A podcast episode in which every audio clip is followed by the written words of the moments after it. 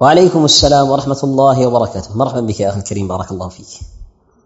أخي الكريم حفظك الله تعالى سؤالك هذا يدل على أنه لديك خلل في فهم مادة الفقه. اعلم يا رعاك الله أن الفقه في مادته إنما هي مادة واحدة وهي مادة الدليل. فالفقه فقه الدليل فقه النصوص فقه الكتاب والسنة. لا غير.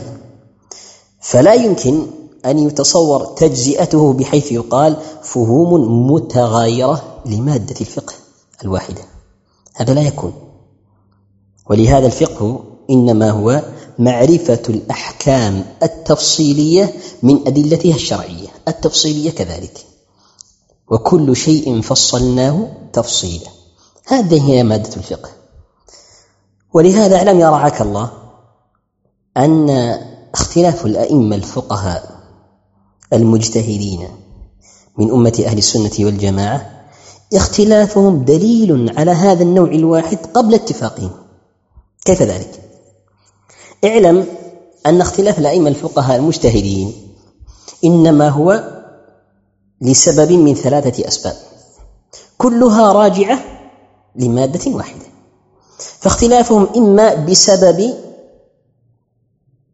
فهم الدليل أو بسبب ثبوت الدليل أو بسبب ورود الدليل. هي ثلاثة أسباب.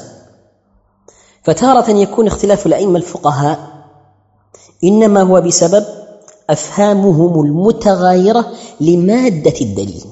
فمنهم من يفهمه على ذلك النحو فيرى منه الوجوب ومنهم من يفهمه على نحو آخر فيرى منه الاستحباب. ومنهم من يرى دليلا من الأدلة فينزله على مادة التحريم. ومنهم من يفهم ذلك الدليل نفسه على نحو الكراهة وعليه فقس. لكن هذه الخلافات كلها ترجع إلى مادة واحدة وهي مادة الدليل الذي ينتج منها الفقه. فالفقه هو فقه الأدلة لا غير. وهكذا بالنسبة لثبوت الدليل. فمنهم من يحكم بذلك الحكم الخاص مثلا بالوجوب لأنه ثبت عنده الدليل. ومنهم من لا يرى وجوبه لأن الدليل لديه لم يثبت. وهكذا بالنسبة لورود الدليل.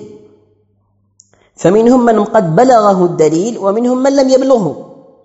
وكل يجتهد بقدر وسعه. ولا يكلف الله نفسا إلا وسعها. وعليه فقس. هذا هو الاختلاف الموجود بين معاشر بين جل معاشر أهل السنة والجماعة. جله على هذا النحو. كما بين ذلك شيخ الإسلام تيمية رحمه الله تعالى في كتابه الماتع رفع الملام عن الأئمة الأعلام. واعلم يا رعاك الله أن هذا بالنسبة لاختلافهم. فكيف لمادة اتفاقهم؟ كيف يسوغ أن يقال هناك فقه آخر جديد بدعوى التجديد للأمة بدعوى الموضوعية بدعوى الواقع بدعاوى كثيرة اخترعها كثير من من المغرضين بقصد الطعن في الدين باسم الدين. كيف يفهم هذه الفهم المغايرة لمادة الفقه ككل؟ ونحن نعتقد بشيء اسمه الإجماع. فكيف تجمع الأمة؟ على مسألة من المسائل سواء كانت أصولية أو فرعية هي بالإجماع فيما بينها مع اعتقاد أن هناك أفهام متغايرة تختلف في أصل مادة الفقه الذي يتناول الأدلة. اذا هذا الإجماع لا فائدة منه ولا معنى. فما أجمعت الأمة وما كانوا يجمعون إلا لأن أصولهم واحدة. فمادة الإجماع دليل على أن مرجع الأمة ككل هو مادة واحدة وهي مادة الكتاب والسنة. وفقنا الله وإياك.